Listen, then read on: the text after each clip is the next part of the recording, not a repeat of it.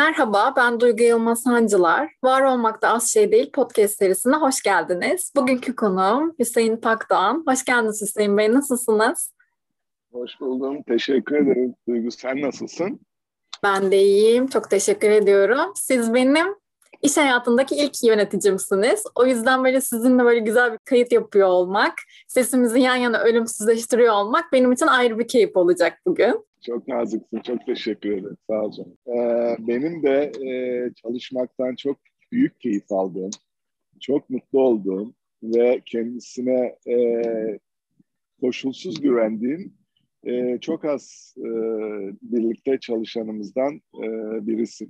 Güvenmekten kastettiğim ahlaki ya da kişilik değil, iş başarısı anlamında kastediyorum. Yoksa öbür türlü e, güvenmediğim insanlarla zaten çalışmam. Bundan evet. dolayı seninle de 7 yıl kadar çalıştık diye hatırlıyorum. Çok keyifli bir çalışmaydı. Evet, çok teşekkür ediyorum.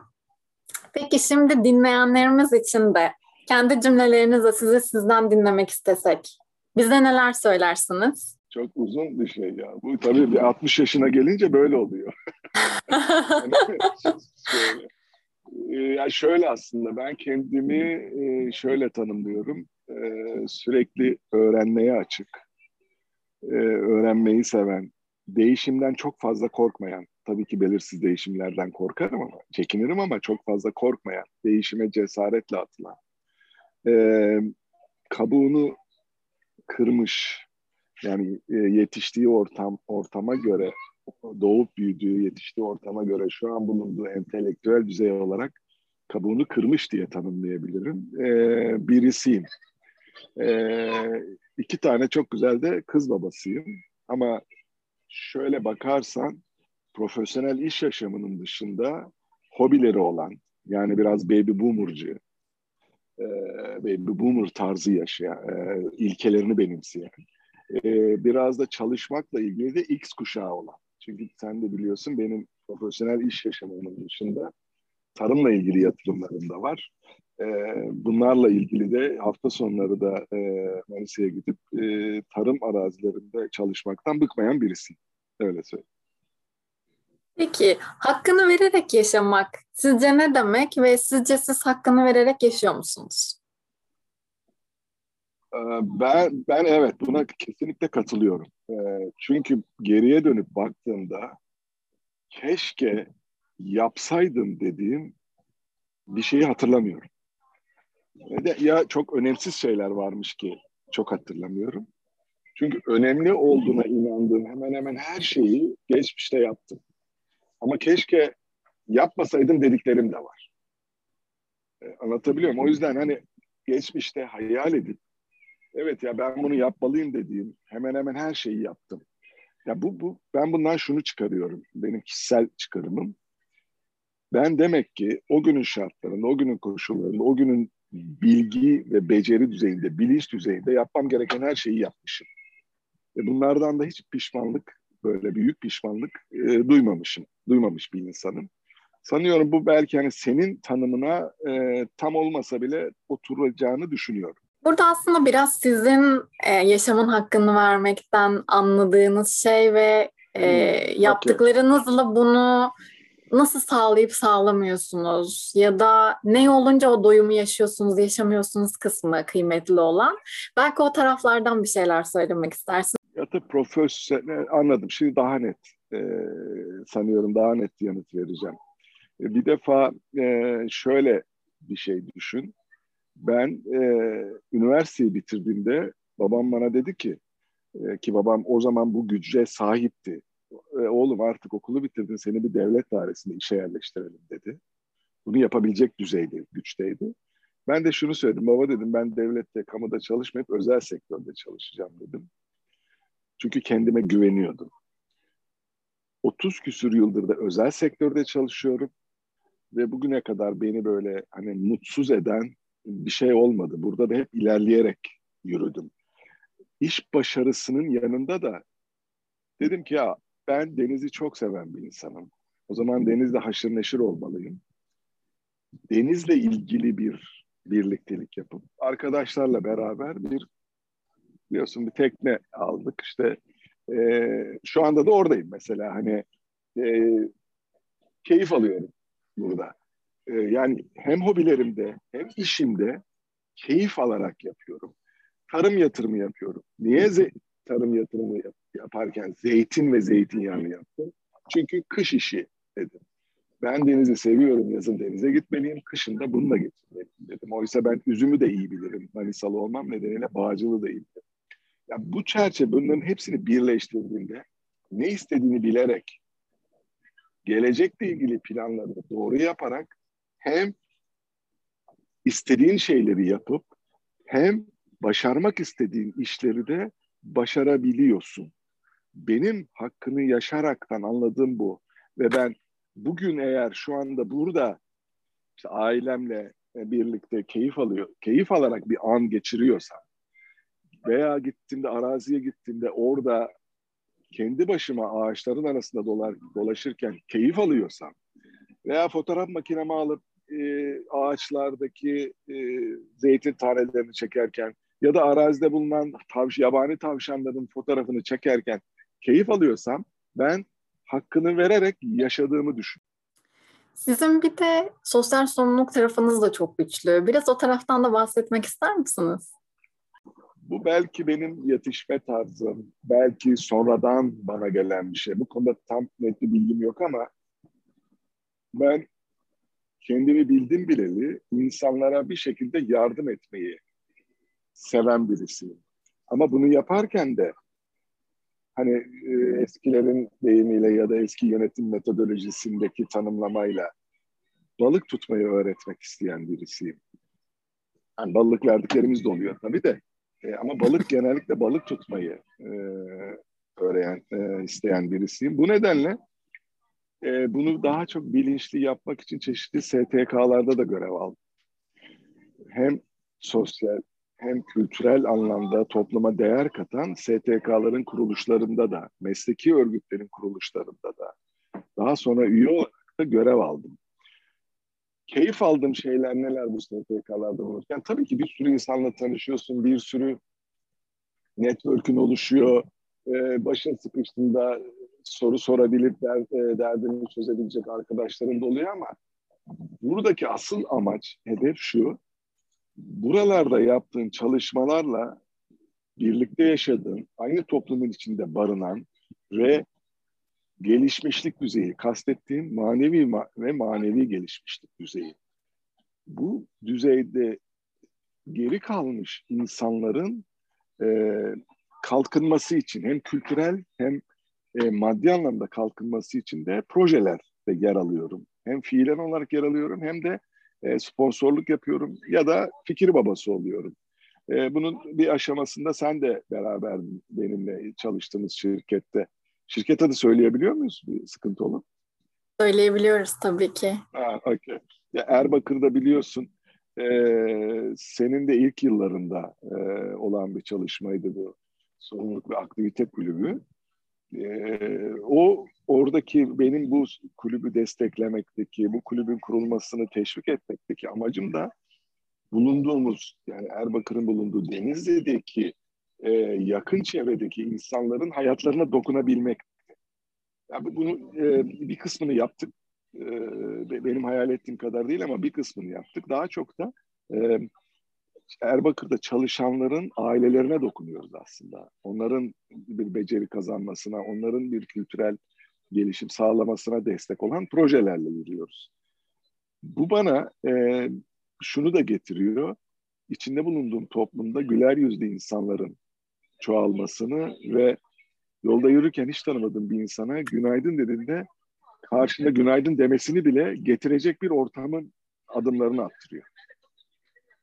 Bu nedenle çok önemsiyorum. Yani düşünebileceğiniz bütün herkesin mutlaka bir projede görev alması gerekiyor. İlla fiilen gidip kapı kapı dolaşmayı kastetmiyorum. Kimisi de maddi olarak destekler bunu. Yani çek, kişilik olarak çekingendir. Yapamaz öyle bir şeyi. O zaman projeleri maddi olarak desteklemeli diye düşünüyorum. Şimdi zor bir soru geliyor.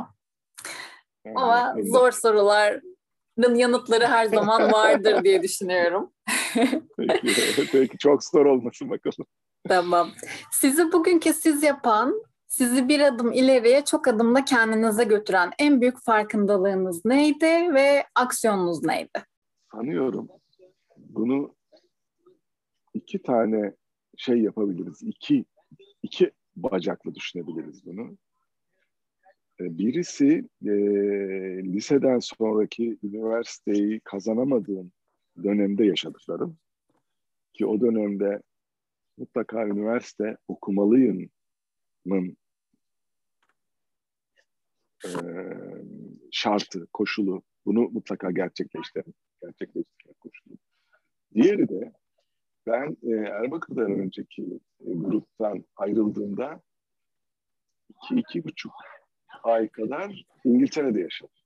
Dil öğrenmek, İngilizce geliştirmek için ki bu biraz e, e, genellikle dil öğrenmek için geç bir yaş, 38 yaşındaydım gittiğimde.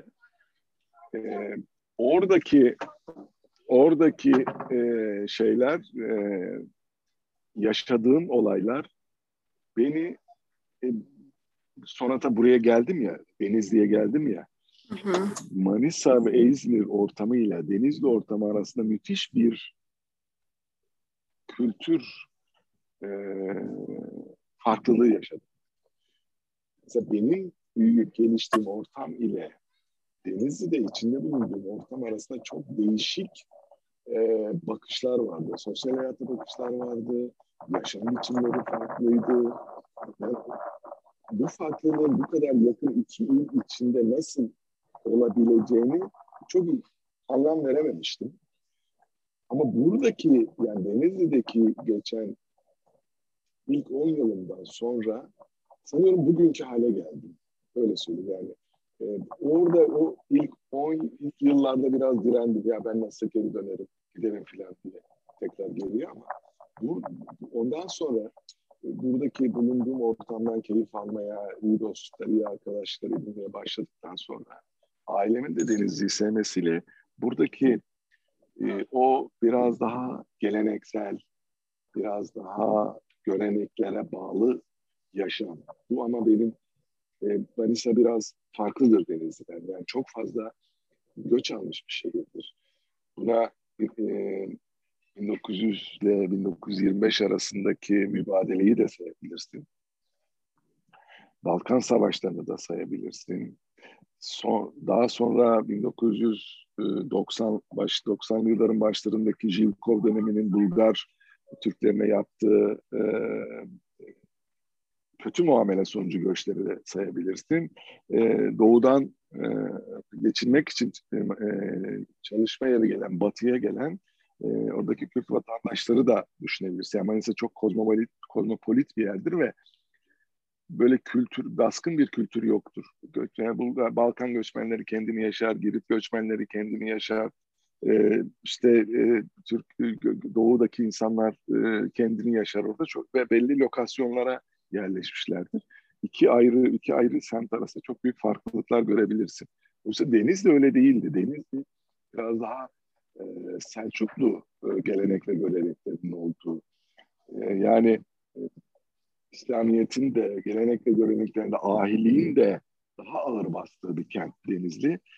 O, o bu, bu kültür bana daha yakın geldi ve beni yoğurdu. Yani oradaki e, yaşayıp öğrenip gördüklerimin ve ailemden aldıklarımla buradakini birleştirince sanıyorum ben bugünkü ben oldum. Bizi dinleyenler için kitap ya da film önerecek olsanız bunlar neler olurdu ve neden? Mesela şu an burada e, bir dostumun kitabı var. E, e, Manisa'daki arkadaşlarla ortak kurduğumuz bir kendi gezenler grubumuz var. Böyle ayda bir toplantı yapardık e, bu salgın döneminden önce. Şimdi onun mesela bir kitabını okuyorum şu an Köprü diye. E, hiç beklemediğim kadar hoş anıları olan bir kitap. İlk olarak hemen bunu söyleyebilirim aklıma ilk geldiği için ama bundan önce beni daha çok son dönemde etkileyen iki üç kitap var. Onların isimlerini söyleyeyim istersen. Aklımda kalanlar bunlar. Şöyle söyleyeyim. Mesela birisi Ramses serisidir. Bilmiyorum hatırlar mısın? Beş kitaptır bu. Ben o beş kitabı neredeyse soluksuz okudum ve belki beş kitabı sanıyorum bir ayda bitirdim. Mesela bunu hararetle tavsiye edebilirim. Biraz eski bir kitaptır ama tavsiye ediyorum. İkincisi e, Ali Ekber Yıldırım var, tarım yazarı. Onun Üretme Tüket kitabını hemen önerebilirim. Çünkü bizim neyi nasıl neden yapmamız gerektiğini söyleyen bir kitap. Bugüne kadar neleri yanlış yaptığını söyleyen bir kitap. Neden tarım diyorum? Çünkü eğer biz bu şekilde devam edersek, yani herkes bilinçlenmeli olduğu için söylüyorum. Biz bu şekilde devam edersek çok kısa bir zaman sonra aç kalacağız. Ee, ve insanlar sokakta e, belki elindeki filedeki domatesi, salatalığı, unu, bulguru almak için yani gasp etmek için birbirlerini öldürecekler. Ben o kadar korkuyorum. O kadar kötü bir duruma doğru gidiyoruz diye. Çünkü biz üretmiyoruz. Sadece tüketiyoruz. Bu da kötü bir şey. Yani bugüne kadar Rusya'ya domates satan biz, yakında Rusya bize domates satacak. Ben bunu çok yakın zamanda görebileceğimizi düşünüyorum. Ee, hemen bu iki üç kitabı çok kesinlikle e, okumayı okumanızı öneririm. Film olarak dersen e, ve beni belki hatırlıyorsundur ben pazar günleri özellikle western filmlerini izlemeyi severim. E, pazar günü kalkarım e, herkesten önce televizyonu ayarlarım aman kaçırmayayım bu filmi diye. Böyle iki üç defa izledim filmler de vardır. E, bu sonuçta şey tabii hani Western bir Amerikan propagandası ama e, ben kendimi yeterince bilinçli birisi olarak gördüğümden dolayı buradaki propagandaya e, kanacak düzeyde değilim. Ama ne hikmetse o dönem beni biraz etkiliyor. İkincisi bir de antik çağların yani Roma'nın, işte e, Bizans'ın, Osmanlı'nın, e, Timur'un hakimiyet kurduğu dönemlerdeki filmler beni çok etkiliyor. O yüzden herkesin hemen söyleyebileceği mesela iki tane filmi hemen e, önerebilirim. Birisi e, Büyük İskender, diğeri de Gladiator filmini mutlaka izlemeli insanlar diye düşünüyorum. E, Western'den de doğal olarak e, üç tane üçlemeyi, e, Sergio Leone'nin üçlemesini herkesin izlemesini öneririm. Affedilmeyenler, iyi kötü çirkin ve e, bir tane daha vardı yine e, Clint Eastwood'un oynadığı üçüncü filmi hemen önerebilirim sizlere. Sizinle yaptığımız bu bölümün adı ne olsun? Bölümün adını sizin koymanızı istiyorum.